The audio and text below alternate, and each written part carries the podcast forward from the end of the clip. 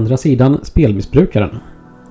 Välkommen till pilotavsnittet av Andra sidan. En ny podcast som har till syfte att låta den andra sidan få komma till tals.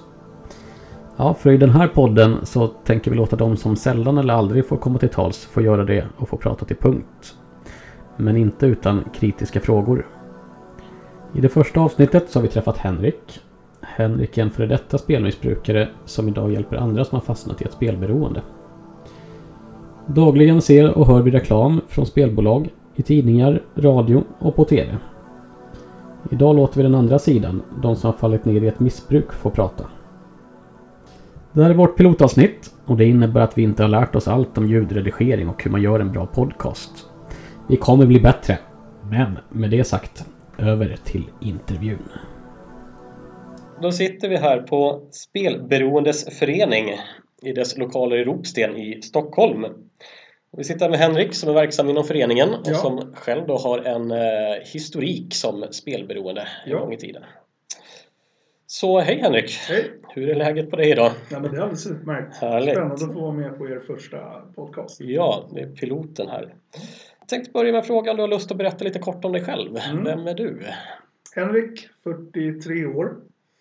Eh, jobbar som rådgivare och kanslist på Spelberoendes förening i Stockholm här. Och eh, det gör jag på heltid, så hela min yrkesroll är ju det, den, om vi säger den initiella kontakten när folk ringer hit eh, och är i behov av hjälp, stöd och frågor så är det mig de får komma i kontakt med. tänkte att vi skulle börja lite innan vi pratar om själva föreningen och börja lite med din egen historia. Mm. Och, och, du har ju själv då en historik som spelberoende och, Ja, och sådär. Vi, vi kan väl ta det från allra, allra första starten liksom. Eh, Mm.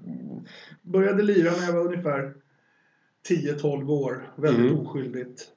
För växelpengar. Eh, Det fanns. Utbudet var ju inte brett på den tiden. Men någonting som, eh, som jag gjorde var att lämna in små tipsrader. Mm. När det fanns pengar. Sen eh, när jag var 11, jag tror det är 85, så släppte Svenska Spel Oddset. Och då kunde man börja lira på enskilda matcher. Ja, Och det var ju någonting som passade mig ganska bra. Så för de små kronorna jag hade så, så lirade jag om det fanns möjlighet. veckopengen som, Ja. som gick till lite spel. Ja, precis. Kommer du ihåg till och med den första gången som du spelade? Kanske inte den första så, men den, för de första gångerna jag spelade då gick jag, ehm, då lämnade jag in min pappas tips. Eller hans, papp, min pappas lottorad, typ på lördagarna. Liksom. Mm. Inte varje vecka, men jag fick det uppdraget. Och så sa ju han, liksom, du kan ju lägga en rad. Du tycker ju om fotboll, lägg en tipsrad Ja, eh, för växelpengarna. Ja. Och eh, det gjorde jag. Ja. Det är ju de första gången jag spelar, men jag kommer inte ihåg liksom. Jag kommer inte ihåg om det var en vinst där första gången du spelade. Liksom, att Nej, det det, triggade dig på en gång där. inte. Att, nej. Och då var det på den nivån att det var fortfarande något roligt som kryddade sporten. Liksom. Mm, mm. Alltså, är ju väldigt sportintresserad och var det då. Ja, just det. På den glada tiden när det, det gick tips extra på TV då Ja, kanske. Och det här, precis, just precis. det. Ja, exakt. Men du var ganska ung, alltså 10 år gammal. Det var ingen Mm. åldersgräns på den tiden? Eller Det fanns ingen åldersgräns. funkade det? Det var inte så? Utan den kom, den kom ju när jag hade passerat åldersgränsen 18. Ja.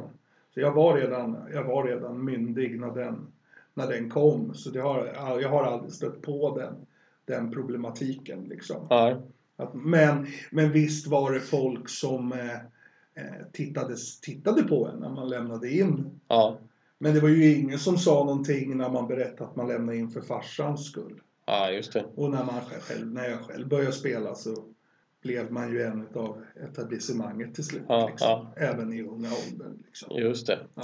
Men du var väldigt sportintresserad så du hängde med i fotbollen och sådär. Ja, så, ja. Ja, ja, det var och då blev spelandet en del utav intresset Ja. eh, så småningom då. Så, så var det från Ja. början och det var väldigt kopplat till sport.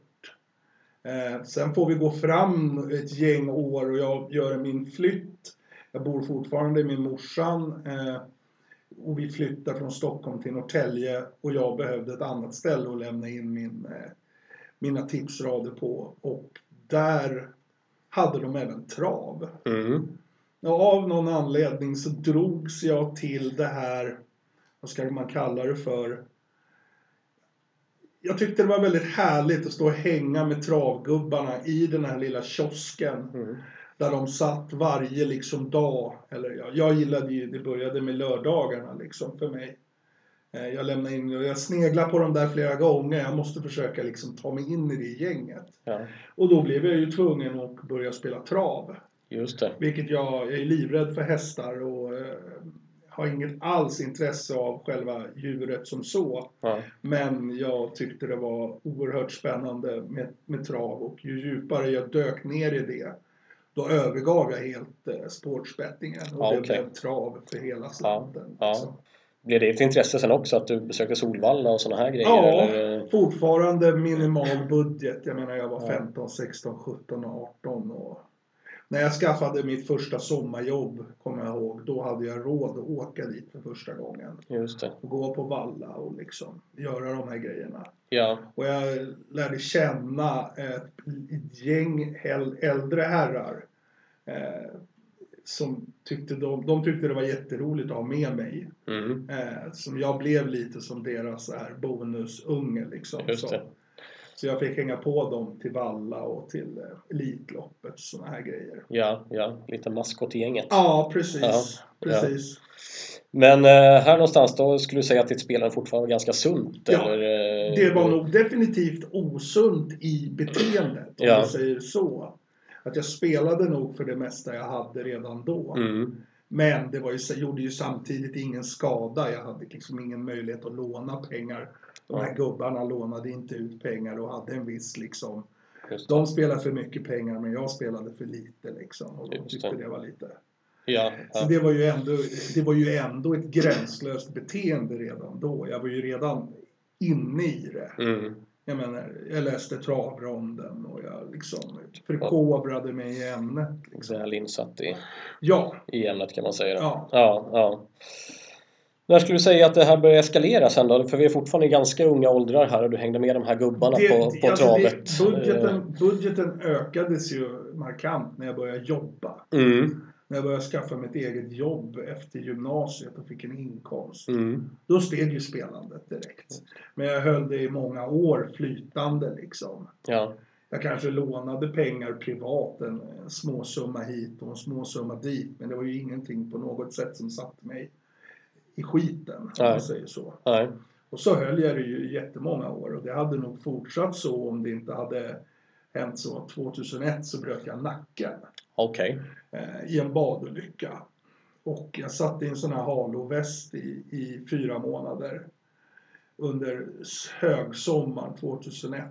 Ja, Eh, och eh, hade helt enkelt ingenting att göra. Det kändes inte aktuellt att liksom åka till Valla i den här jäkla ja, halovästen. Jag såg ut som en jävla dåre. Ehm, så då blev jag tvungen att söka mig någon annanstans. ja, Och då hittade jag, jag hade då skaffat mig min första dator. Eh, och min första internet, in, privata internetuppkoppling. Jag hade egen lägenhet och sånt. Eh, och eh, jag hittade nätpoker för första gången då. okej. Ja, 2001. Det gick då inte att spela för pengar. Utan det var som ett liksom någon sida som liksom erbjöd poker som ett, ett alternativ till andra kortspel. Men man kunde Ja. inte spela om pengar på sidan. Men jag tyckte det var oerhört roligt så att jag sådde ju verkligen, det sådde ett frö. Och jag tog kontakt med en kompis som jag visste skulle bli lika hooked på detta. mm, Och så eh, gick åren och så kom den här, den här vad vi kallar det för, pokerboomen. mm, mm. Och då drog vi igång och började lira på allvar. Just det. Det var ju väldigt stort här i Sverige ett tag. Ja. En riktig pokerboom. Ja, Men det var på nätet eller spelade du även live? nej det var ju då live som Ja. vi tyckte om var roligast. Liksom. Utan vi köpte ju in pokerbord och sådana här grejer. Och... Just det.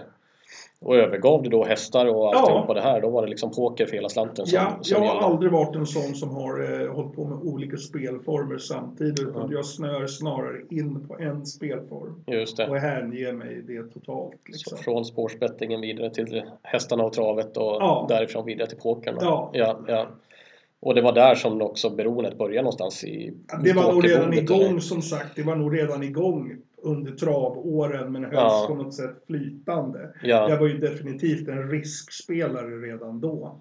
Men hade ju inte de ekonomiska musklerna eller möjligheten att kunna sätta mig Ja, i riktigt dålig sits ekonomiskt. Eh, Men det hade jag ju när jag började spela poker. mm. Däremot så spelade jag ju poker i flera år utan, utan att... eh, Det gick faktiskt riktigt bra ett par år. Mm. Liksom.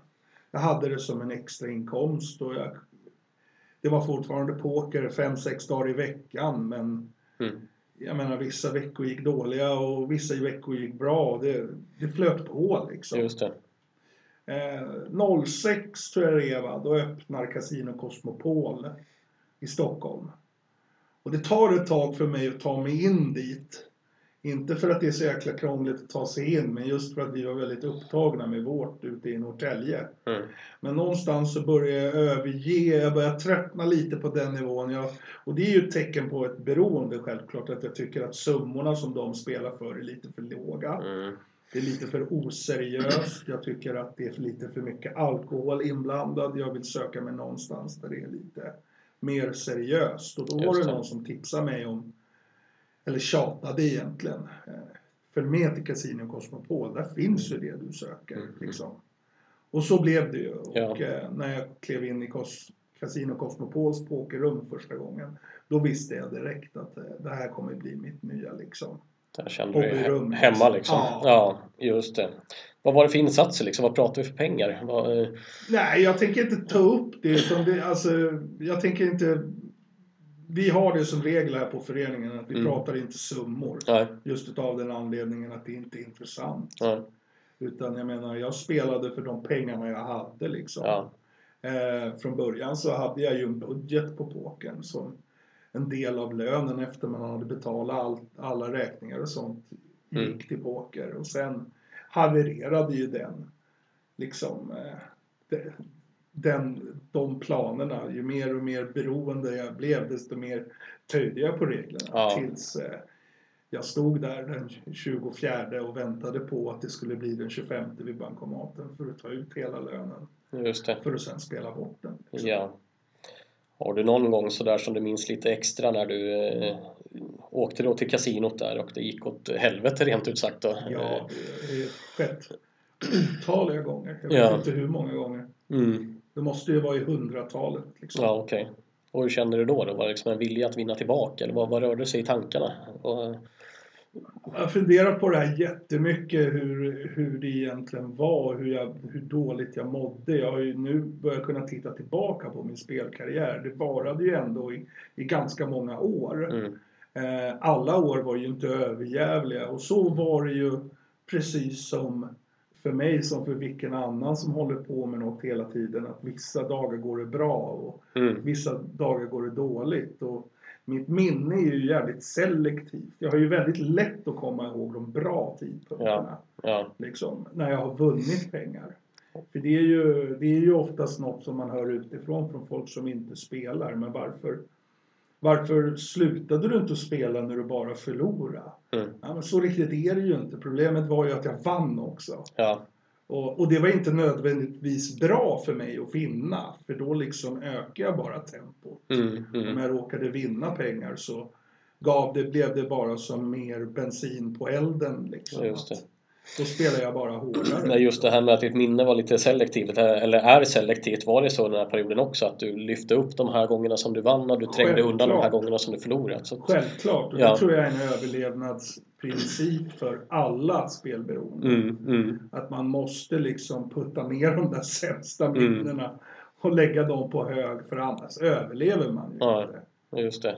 Men ju närmre och närmre och närmre jag kom den dagen då det ändå skedde en förändring. Mm, Jag menar ju mer dåligt mådde jag ju, ju längre mellan de bra dagarna gick det ju. mm, mm, Och det var ju så till slut att även om jag vann så blev jag inte glad. ja. Jag var alltid missnöjd eller jag var alltid orolig. Och det var inget roligt längre att ha pengar på fickan. För jag visste på något sätt att liksom det är ju inte så att jag kommer kunna göra något för de här pengarna utan de kommer ju bara investeras i mer Kommer ge spelande. dig tillbaka till pokerbordet och Ja, omsätter dem igen då. på slutet av min pokerkarriär Mm. så, eh, man ska kalla det en karriär, det var det ju verkligen inte.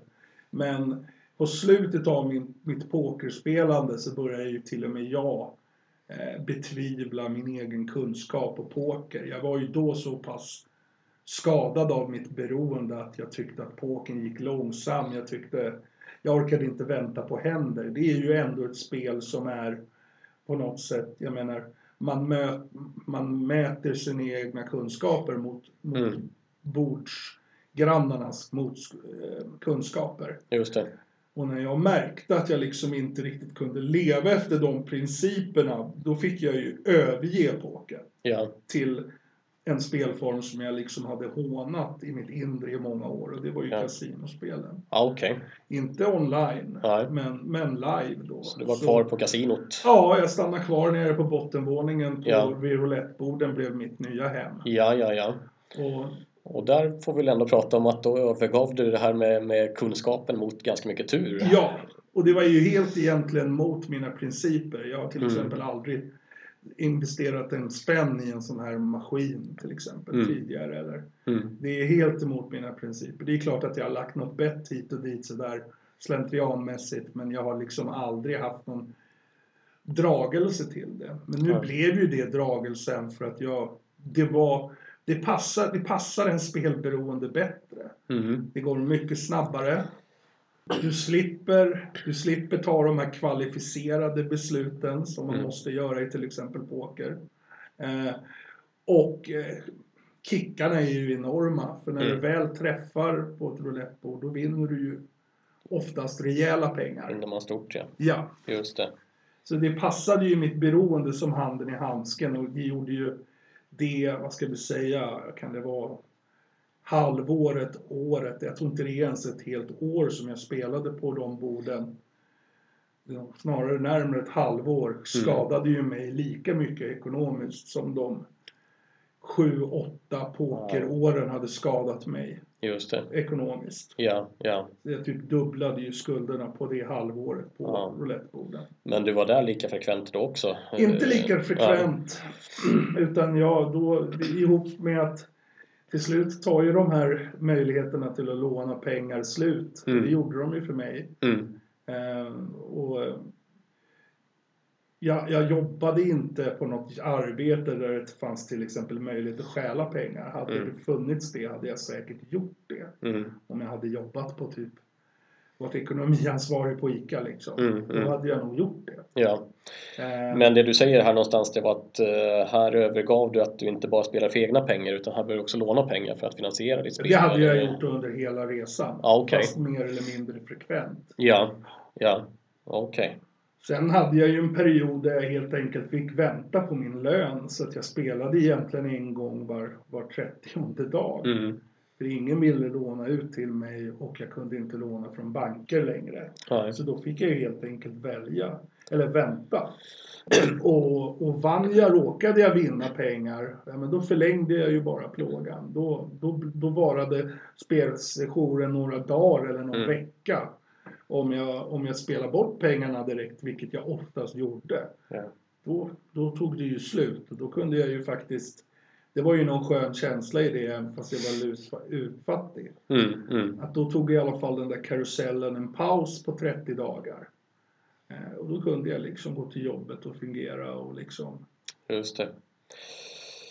Det här som du berättar då, för du, du mer eller mindre frekvent i olika perioder beroende på spelform då, så befann du dig mycket på kasinot. Eh, Din omvärld, visste de om ditt spelberoende eller var det här någonting som du dolde för dem? Eller? Det behöver man väl inte dölja där. Jag tror att det Ja. är lite som på den här spelberoendeföreningen. Att här behöver man inte dölja sitt spelberoende. Vi är ju alla det. Ja, Och det är väl på något underförstått självskrivet att alla som sitter åtta timmar per dag, fem dagar i veckan på, runt pokerborden är spelberoende. Mm.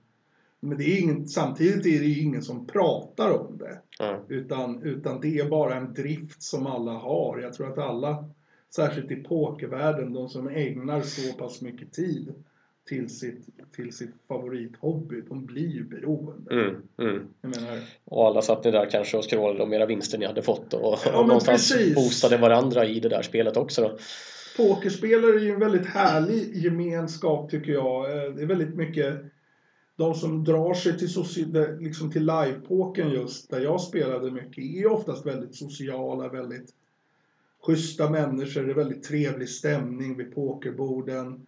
Eh, pokerspelare är oftast väldigt givmilda. Det lånas ut pengar hitan och ditan. Är det någon som har vunnit då får nog de som det har gått dåligt för låna pengar. Och det är en Mm. väldigt liksom nonchalant stämning runt detta. Ja, Eh, och kulturen är ju så liksom. Och jag tror att det är i, liksom lite självbevarelsedrift att man blir tvungen att vara lite så här lätt på fötterna och vara lite Mm. som låtsas som ingenting. Mm, Och så får man helt enkelt ta och svälja det här Just. kaoset, det inre kaoset liksom med ångest och sömnlöshet och skulder och, och sådana där grejer. Ja.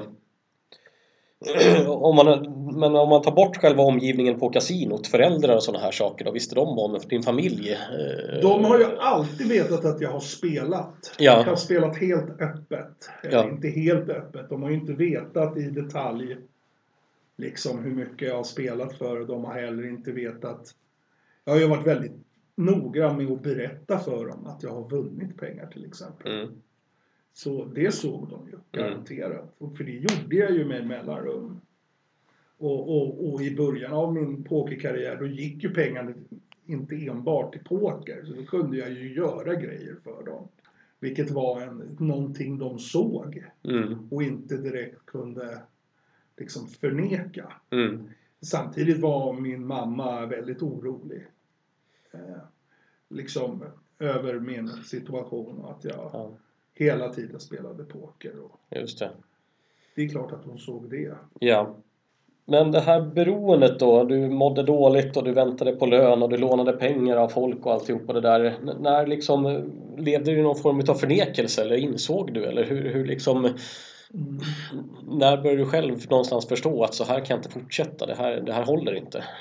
Jag tänkte nog de tankarna i jättemånga år men samtidigt så var ju fast besluten på att vinna över det här. Mm. Alltså i spelet. Jag hade aldrig slutat spela självmant. Ja. Utan jag behövde ha hjälp utifrån, vilket jag också fick. Ja. Eh, Men det är ju klart att jag har gått från, från kasinot eller från någon svartklubb eller liksom helt utfattig och liksom tänkt att aldrig mer. Men problemet med det är att man går och lägger sig och sover några timmar och så vaknar man och då är hjärnan som, det är som att bota om en gammal dator liksom. Mm. Mm. Det är som att starta på en ny kula. Så har hjärnan funderat på det där i sex timmars, under sex timmars sömn. Och så är man som en ny människa dagen efter och har inga tankar på att sluta. Och då är man snarare, nej jag ska ge det här en chans till. Om jag bara gör så här eller Mm. så kommer det gå bra liksom. Mm. Vad drev dig då? Var, var det pengar som drev dig? Eller var det kick? Eller vad, vad var det som drev dig att gå dit dag efter dag? Jag är väldigt tävlingsinriktad så under pokern var det definitivt en kombination av pengar och liksom framgång. Mm. Att det i sig var en kick. Mm. Poker är ju väldigt belönande så i att du inte bara får det, du får inte bara din egen, att du är nöjd över ditt eget spel men du får det utav bordsgrannarna. Ja. Vilket ger en väldigt eh, skön känsla när man har gjort något bra runt ett pokerbord. Mm. Eh, självklart var det ju jakten på pengar. Självklart var den viktig men det var ju också det här liksom att jag faktiskt tyckte det var roligt Mm. att mäta mina kunskaper mot andra. Sen självklart i en beroendesituation så styrs man ju lite utav det också. Mm. Eller mycket rättare sagt att man, man måste få den här fixen liksom. Mm. Och det är ju hela miljön liksom. Svartklubbar och pokerklubbar och pokerrummet på kasinot. Det var ju liksom mitt hem. Det var en del av min identitet.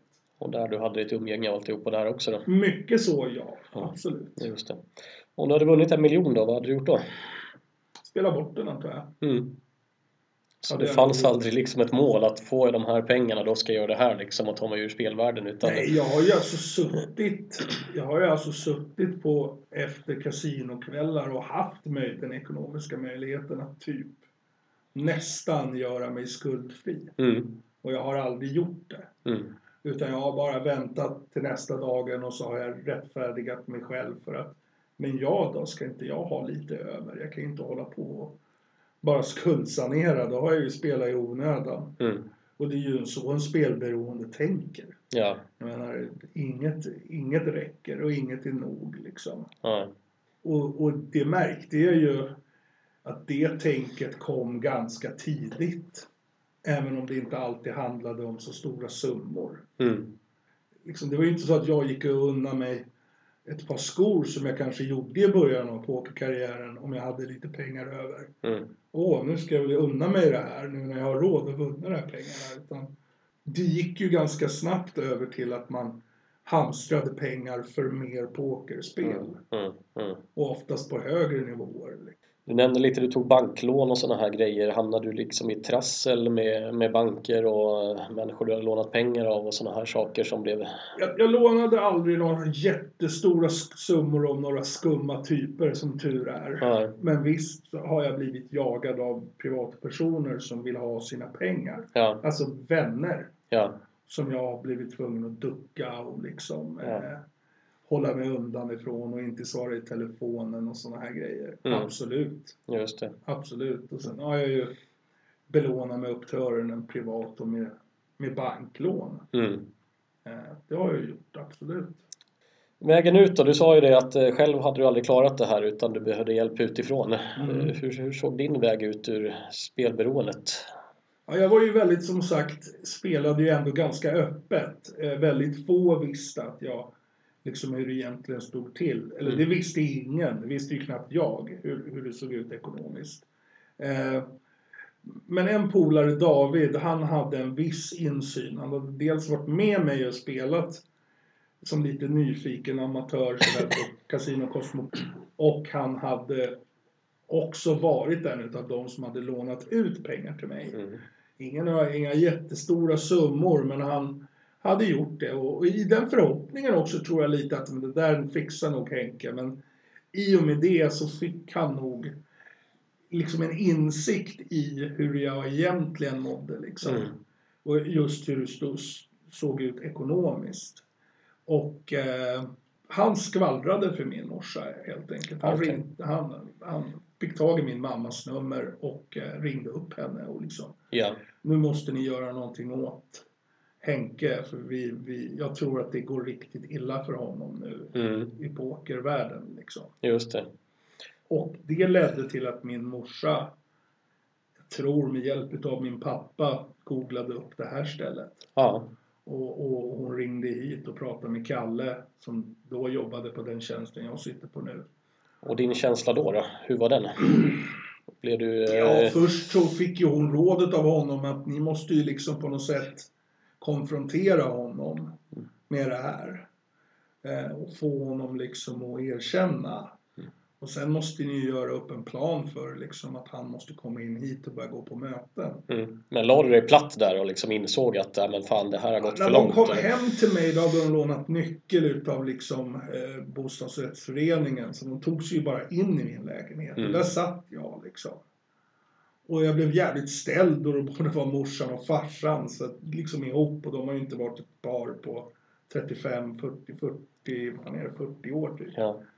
Så jag blev väldigt ställd och tänkte vad fan är det här nu? Och sen så förklarade de att de hade varit i kontakt med föreningen, att de hade pratat med David och hela det här och de ville de ställde mig mot väggen helt enkelt. Mm.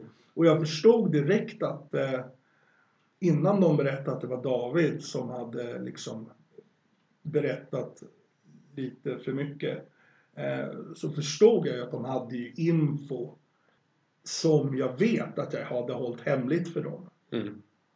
Och samtidigt förstod jag ju också att jag hade möjligheten där och då att, liksom, att lägga alla korten på bordet. Och det var ju det jag gjorde. Mm. Just i, i alltså av rent egocentriska, jag hade ju inga planer på att sluta spela men jag förstod att det liksom, jag var nära på att bli vräkt. Jag hade massor med skulder som jag omöjligt skulle kunna betala. Jag hade inget jobb. Det var liksom många faktorer i mitt liv då som var en konsekvens av spelandet. Mm. Som jag förstod att jag liksom, jag kommer inte greja det här själv. Mm, mm, Och dels då så gjordes det upp planer kortsiktiga om att de här hyrorna jag låg efter skulle betalas in av min mamma och min pappa. Men då fanns det ett motkrav och det var att jag skulle börja gå här. ja, ja. Okej. Och hur kändes den första tiden där då när du började gå här och inte hängde på Ja, det kasinot var samma dag, det det är det som är så Ja. sjukt. För att jag menar, det var en onsdag de kom hem till mig och gjorde det här. Så det var ju bara att åka iväg. Liksom. Mm. De fick sitta och sortera i mina två ICA-kassar av oöppnade kravbrev. Eh, från olika kreditörer och Kronofogden och sådana här grejer. Mm. Och sen när de hade sorterat i det, ja, då var det bara att sätta sig på bussen och åka in Mm. och gå på första mötet. Och jag hade inga tankar på att sluta spela. Nej. Utan jag... Eh, jag... Jag eh, tänkte liksom att, ja men fine. Jag, jag kan manipulera min morsa som jag alltid har gjort under många perioder. Inte i alla lägen självklart, men jag hade lurat min mamma och Mm. Lånat pengar i hennes namn och såna här grejer. Så att eh, jag tänkte fine, sänker hon bara garden så kan jag börja lira igen. Mm. Nu slipper jag ju bli vräkt. Mm. Och det var skitnervöst att gå första mötet men samtidigt så tänkte jag att Ja men på vägen in hit så tänkte jag att ja, men jag får väl sitta och lyssna på den här skiten. Eh, det kommer ju inte bekomma mig Mm. som spelar. Jag är inte en utav dem som vill sluta spela. Just det. Och det går väl att manipulera dem som det går att manipulera alla andra. Eh, men samtidigt, det var jävligt skönt att komma hit och för första gången fick jag ju träffa andra speltorskar som dessutom var ärliga om det. Mm. Som satt och pratade öppet om hur, hur usla de var på att hålla pengar och hur usla de liksom var på ditten och datten. Och det gav mig ett litet perspektiv från första mötet. Liksom. För det första så fick jag ju reda på att mina problem, jag menar jag trodde jag var den största idioten som fanns. Ja men så var det ju inte. Mm. Inte om man tänker på liksom ekonomiska skulder eller, eller situationer de hade varit med om. Mm. Jag menar, jag satt bredvid någon 40-åring. Som, jag var ju 36 när jag kom hit första gången. Och han hade spelat bort liksom två familjer. Mm. Och hade skulder som skulle, han skulle aldrig bli av med dem under sitt liv. Då, eh, då fick jag lite perspektiv på det hela. Då kanske inte mina problem var så allvarliga egentligen. Mm. Om han nu sitter här och är spelfri och försöker leva sitt liv, ja men då borde väl jag kunna lösa det här. Mm. Mm. Det tog en fem, sex möten innan liksom poletten ramlade ner och jag, och jag sa till mig själv att nej, men jag gör ett försök på att vara spelfri. Från, fram tills dess så hade jag ju varit ofrivilligt spelfri Mm. på grund av att då det hade ju gjorts upp liksom en grundidé som vi har här på föreningen och något som vi gör reklam för är ju att vi ser ju gärna att någon tar över ekonomin för den som är spelberoende. Just det. Och min morsa gick ju här på föreningen och satt i anhöriggrupp eh, och tog över min ekonomi och det blev ju väldigt styrt. Det blev väldigt liksom alltså jag behövde det också. Jag Mm. mådde bra av det. Så det var massor med små kombinationer som, som gjorde att jag faktiskt vågade chansa på det liksom. Just det. Fick du något återfall någonstans på vägen och spelade igen eller lyckades du faktiskt? Man eh, får inte återfall. Nej, Man tar dem. man tar dem. För det är en aktiv handling. Det är Mm. inte som en influensa liksom. Så det kan man ju få. Mm. Mm. Men återfall tar man. Så Mm. det, jag bestämmer mig för att spela nu. För att Mm. jag är sugen. Mm. Det är ett återfall. Just det. Så nej, jag har aldrig tagit något återfall. Nej. Men å andra sidan så tror jag att jag var ganska färdigspelad Mm. när jag eh, väl slutade. Mm. Jag var ganska trött på det och tittar man tillbaka på det så får man nog... Jag, jag räknar 9 februari 2011 som mitt första dag som spelfri. Om jag tittar bakåt ifrån det in i min spelkarriär så får jag nog gå ett och ett halvt, två år tills någon tidpunkt när jag faktiskt tyckte det var riktigt roligt. Mm. När det inte bara handlade om pengar, jag och liksom. Ja. jaga pengar och, och spela för och liksom, för det blir ett sånt jäkla maskineri bara för att få tag i kanske lite små pengar att Mm. spela för. Liksom. Just det. Vi kommer tillbaka lite till vägen ut där och, och föreningen men, Mm. men jag är lite nyfiken när du gick på Casino Cosmopol som mest, det är ju ett statligt ägt Mm. eh, eh, kasino. Var det någon där någon gång som försökte hindra er från att komma Aldrig. in? Och, eh, aldrig någon som gjorde det? Aldrig. Ja. Ja, ja, självklart så kunde de kasta ut mig för att jag blev för full. Ja, De reglerna är som på vilken annan pub eller restaurang som helst. Men aldrig för att jag spelade för hårt eller... nej. Tror du det var någon som såg att du spelade för hårt då? Det tror jag säkert. Ja. Men ingen som Ja. agerade? Jag menar den här kön vid, vid bankomaten nere vid kasinorummet 23.57 den 24. Mm. Det är en 7-8 gubbar som står där varje gång. Och det, jag tycker ju det är en ganska så här, det hade ju varit lätt med all bevakning som finns på Casino Cosmopol att titta ut vad de här människorna som står där varje gång en gång i månaden, Mm. vad de sen gör med pengarna. Mm. För det är ju ganska tydligt. Det är inte så att jag ska ta ut alla pengar för att betala räkningarna Mm. på Casino Cosmopol, utan det ska ju spelas för dem. Ja, det är lite intressant just det med att det är statligt då att eh, Svenska Spel och alltihopa det här säger att vi tar ansvar för eh, Och jag tror de har gjort det på ett större och bättre sätt nu. De Mm. har ju en aktiv eh, del på kasinot, eller, eller personal som jobbar med detta nu. ja, Men det fanns inte då på det sättet. nej, nej, just det. Annars då, vad tycker du om, om man tar spelbolag lite generellt sådär? Man är ju väldigt aggressiva med sin marknadsföring. Ja. Du, du kan inte kolla på TV och en Nej. enda reklampaus utan att se den här marknadsföringen. Ja. Vad, vad är din syn på det där? Ja, alltså det är ju, det är ju fruktansvärt. Mm. Men ja, för mig rör det inte i, i, liksom i ryggen. Det rinner av mig som vattnet på en gås. Jag stör mig inte alls på det. Nej. Men jag vet ju att de som är och har varit inne i kasino, nätkasinoträsket, Mm. är det ju jätteproblematik för att det är jättetufft. Ja, med all reklam. Just det. Känner att du blev uppmuntrad på något annat sätt att spela när du var på kasinot då? Hur menar du? Du blev eh, kanske erbjuden någon eh, gratis... Eh, De får inte göra det De får på, inte göra någonting på sånt. statliga. Utan Nej. de är lite mer återhållsamma när det gäller sådana här, även på deras nätsidor, att de till exempel inte har lockbonusar eller, ja, eller free spins eller något sånt. Nu har ju inte de något nätkasino än. nej, Det kommer komma ett nätkasino från dem, Mm. men de kommer inte ha något sånt. just det. Som, som eh, free spins eller lockbonusar eller vad det nu är, Ja. Vad tycker annars spelbolagen, om vi tar det generellt igen då med alla nätkasinon och alltihopa det här. Vad tycker du spelbolagen borde göra för att undvika Nej, jag att folk tycker de kan hålla på med det de gör. Ja, Det ska inte ligga på spelbolagen att reglera dem själva. Det är inte de kapabla till för det första. Det är väl ingen bransch i någon bransch som kan reglera sig själva. Det måste ju göras utifrån. mm. Jag menar, eh, jag tycker det ska förbjudas nätkasino. Att det kan vara en spelform som faktiskt är förbjudet. Och om Amerika har lyckats förbjuda all form av nätspel så skulle väl vi också kunna göra det. Jag förstår inte problematiken.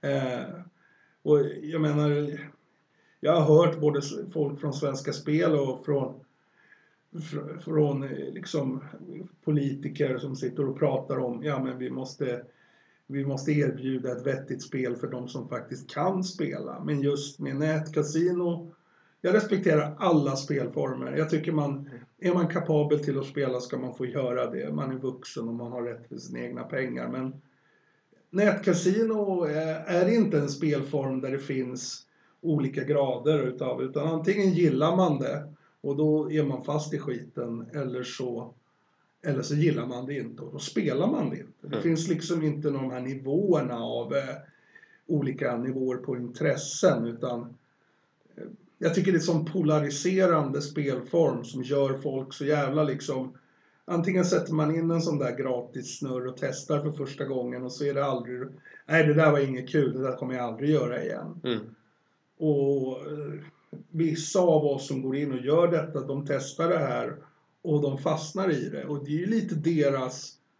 Det är ju lite som lite nätfiskeri. Alltså de, de Mm. bjuder på detta för att de vet att var tionde åker på kroken och de betalar desto mer. Just det. Så att jag menar, det är en väldigt ful verksamhet i sig och jag tycker inte liksom... Jag tycker inte det borde vara lagligt Nej. att Nej. göra det på det sättet.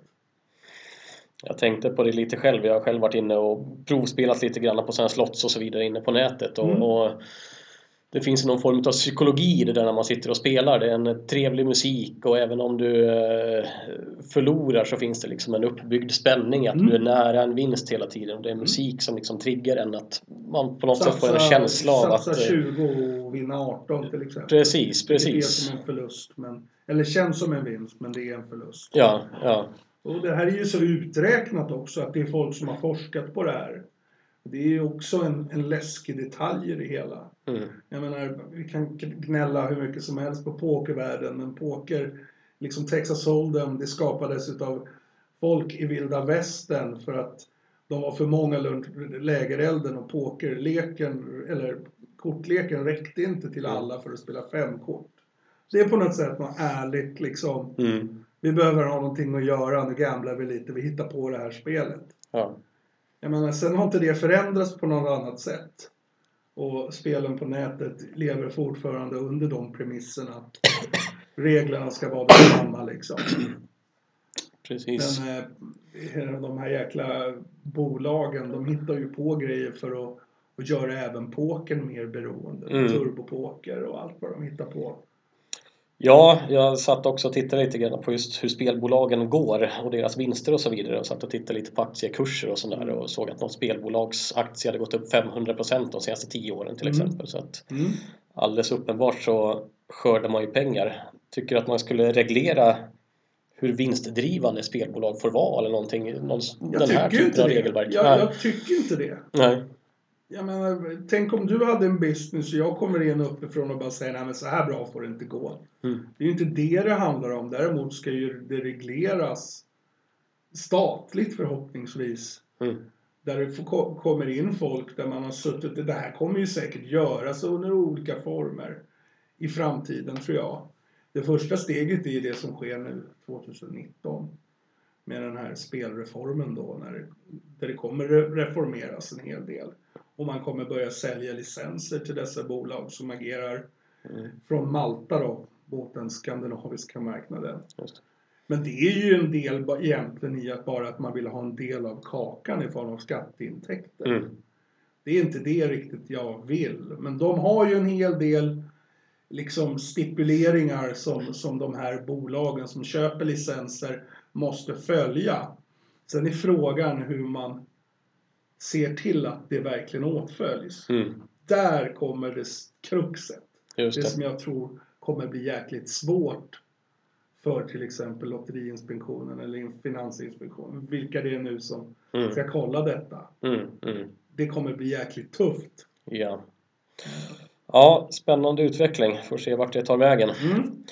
Vi kan väl gå tillbaka till föreningen lite grann då. Mm. Eh, vi var lite grann inne på det, men, men jag har lust att berätta lite grann om er verksamhet.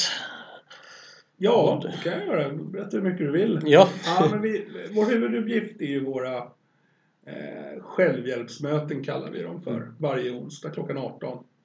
Och det är ju egentligen ett, ett vi ger spelberoende personer att komma och träffa andra spelberoende personer. Det finns liksom inga egentliga eh, snabba lösningar på detta utan vi ger en, en möjlighet till spelberoende att tala med varandra om sitt missbruk. Mm. Eh, och ge en trygg miljö där man ska kunna göra det. Och det finns inga som förstår spelberoende bättre än andra spelberoende. Mm. Igenkänningseffekten är väldigt liksom tydlig här. Att eh, vi berättar historierna för varandra för att göra oss påminda vad vi är kapabla till. Mm. Och också att man kan få dels praktiska men teoretiska tips också. För hur man ska hålla sig spelfri eller trygga sin spelfrihet. Ja. Vad är det för människor som söker sig hit då? Eller vem är det som är den typiska spelberoende? Finns det någon sån mall av... Ja, person fast på det beror på lite var man kommer från spelform. Jag menar när jag kom hit för sju år sedan då var det ju mycket pokerspelare och där fanns det ju definitivt en mall. Mm. Men 20 till 40 eh, liksom alla var typ stöpta i samma form. Mm. Inte självklart kategoriskt, men, men hyfsat i alla fall. Ja. Men det vi ser nu med nätkasinot är att det drabbar alla. Alltså det är mer jämnare könsfördelning, det är eh, åldersspann på våra deltagare där det kan komma liksom äldre och yngre och det kommer från alla sociala sociala skikt i Sverige liksom. Mm. Både rika som fattiga drabbare. Just det. Och de som kommer hit då, är det mycket solskenshistorier? Är det många som faller dit igen? Eller hur ser verkligheten egentligen ut där? Hur, Ja, det beror ju på. Jag menar, det beror ju på. Det finns ju olika typer av personer som kommer hit av olika anledningar. mm. Och det finns ju vissa utav de historierna som, som går bra. Sen finns det ju folk som slutar gå här av olika anledningar. Det betyder ju inte automatiskt att de har börjat spela igen. Ja. Utan, utan eh, eh, vi har ju en bas, men samtidigt så har vi en stor oms- en hög omsättning deltagare. Mm. Just det. Också folk som tar återfall gång på gång och misslyckas och håller sig spelfria och så misslyckas de igen och håller sig spelfria. Så att det, Mm. Det är ju en, en, liksom en livslång batalj det här. Det är ju något man får förbereda sig på. Ja. Vi sitter just nu i ett anhörigrum där vi gör den här Mm. intervjun och, och vad kan en anhörig göra när man märker att nu är någon i min närhet på väg in i ett spelberoende eller är i ett spelberoende? Ja, nej men alltså en, en smart grej är ju att ringa hit. Mm. liksom. Och, och fråga. Vi har ju, det ska jag ju berätta, det, det är en viktig del, en stor del av vår föreningsverksamhet är också att ta hand om anhöriga. Mm. Jag menar anhöriga och spelare kommer hit tillsammans oftast. Eh, och, och den anhörige är ju i behov av lika mycket hjälp, stöd och råd som spelaren. och det får inte glömmas bort. Mm. Eh, så eh, en lika stor del. Föreningen drivs utav eh, spelfria spelmissbrukare eller anhöriga till spelmissbrukare. Det. Och det är en volontär förening också. Så att Ja. icke vinstgivande liksom. ja, just det. Ja. Och du sa att en av de sakerna ni rekommenderar är att någon annan får ta hand om ekonomin. Ja. Ehm, hur, hur ser det ut eller hur tänker ni där liksom? Men det finns, det finns ett par praktiska råd som vi alltid ger och vi tvingar ingen att följa dem. Men vill man göra det så svårt som möjligt för att ta ett återfall så är ju eh, att någon håller i ens ekonomi en väldigt bra grej. Så att man får... Spelberoende är oftast väldigt impulsstyrda och jag menar eh, pengar ligger i fickan fram tills de inte ligger i fickan. Mm. Och, och har man inte tillgång till sina egna pengar och någon utifrån kommer in och ser till att de går till det de ska. Det eh, minskar risken för återfall avsevärt. Mm. Just det. Vad har ni för teman när ni sitter och pratar? Ni har de här veckomötena. Är det eh, folk får prata fritt eller Ja. har ni särskilda teman eller hur? Vi börjar alltid våra möten med en presentationsrunda. Liksom, Mm. vi presenterar varandra. Den kan ju vara hur fåordig som helst eller det kan vara någon som är i, i jättebehov av att prata om någonting. Mm. Så det lämnar vi upp till individuella liksom, deltagaren att bestämma. Just det. Sen när presentationsrundan är över så styrs eh, ämnena utav deltagarna. Så Mm. att, eh, eh, skulle det vara liksom någon person som behöver prata om ångest på grund av att man saknar spelet eller ångest på grund av skulder, ja men då diskuterar vi det. Mm. Och oftast så finns det ju ingen runt bordet som känner sig liksom lämnade utanför för vi sitter ju oftast i liknande situationer. Mm. Mm. Mm. Vilket gör det enkelt för oss att, att prata om det. Det. Sen har ju varje grupp, vi delar upp så att vi är en 8 till 12, 13 i varje grupp. Eh, en, en, en, en erfaren resurs som kan styra upp Mm. om det är lite tyst i mötet eller om det babblas för mycket om fel grejer, för det händer ju ibland. Just det. Och du sa innan vi började intervjun här att det är någonstans kring 3000 medlemmar här i Stockholm. Nej, alltså besökare. Vi, nej, nej, nej. nej. Medlemmar, nej, då tog du lite fel. Ja. Besökare 2017 var runt 3400 personer. Okej. Okay. Medlemmar ja. så låg vi på 428 under okay. 2000 17, men det är ju ett högt mörkertal. Vi ställer ju inget krav på att folk ska betala vår ja. enorma årsavgift på 70 kronor. Mm. Så det, det är liksom... Alltså det är ett högt mörkertal här som kommer hit ett par gånger utan att betala helt enkelt. Just det. Ja. Just det, jag förstår. Om du är någon här nu då som hör det här och känner igen sig i din historia eller eh, känner att den har ett spelberoende, vad har du för råd att ge till den personen? Man måste våga be om hjälp. Sen tror jag det är jäkligt viktigt liksom att om man sitter i den här situationen, det första man måste göra är ta kontakt med någon som man litar på. Mm, Och bara få ut det ur systemet så att någon annan vet om det. just det. Och jag rekommenderar ju verkligen inte liksom att göra något annat än att lägga alla korten på bordet för att använda ett Mm, pokerrelaterat uttryck. Men just att liksom, om du nu bestämmer dig för att vara ärlig mot din sambo eller vem det nu är du ska vara ärlig mot, gör det riktigt och snyggt så allt kommer ut liksom. just det. Och vill man ta kontakt med er, hur är det enklaste sättet att komma i kontakt med er? Ja, man kan ringa, Ja, ringa och man kan gå in på, man kan gå in på vår hemsida som är spelberoende.se. just det. Det är egentligen Riksförbundets hemsida men man kan då klicka vidare till den lokalföreningen som man vill, som man kanske bor närmst. Ja. Stockholm, Göteborg, Malmö, Hässleholm, Halmstad, Borlänge och Visby finns vi. Ja, Eh, och så finns det telefonnummer och sånt där. Vill man ha ta- kon- kontakt med mig på Stockholmsföreningen så kan man mejla till stockholm.spelberoende.se. jättebra. Är det någonting du tycker vi har missat som vi Nej. borde ha tagit upp här? Nej. Nej? Då får jag tacka så mycket för Ja, det var intervjun. jättetrevligt. Ja, härligt. Ja. Tack så mycket. ja tackar. Bra. Och där tackar vi Henrik för intervjun. Eh, Vi tackar alla er som har lyssnat. Vi kommer snart tillbaka igen med ett nytt avsnitt. Tyckte ni det här var bra? Följ oss gärna på Facebook. Sök efter andra sidan podd och tryck på gilla. Tack och hej!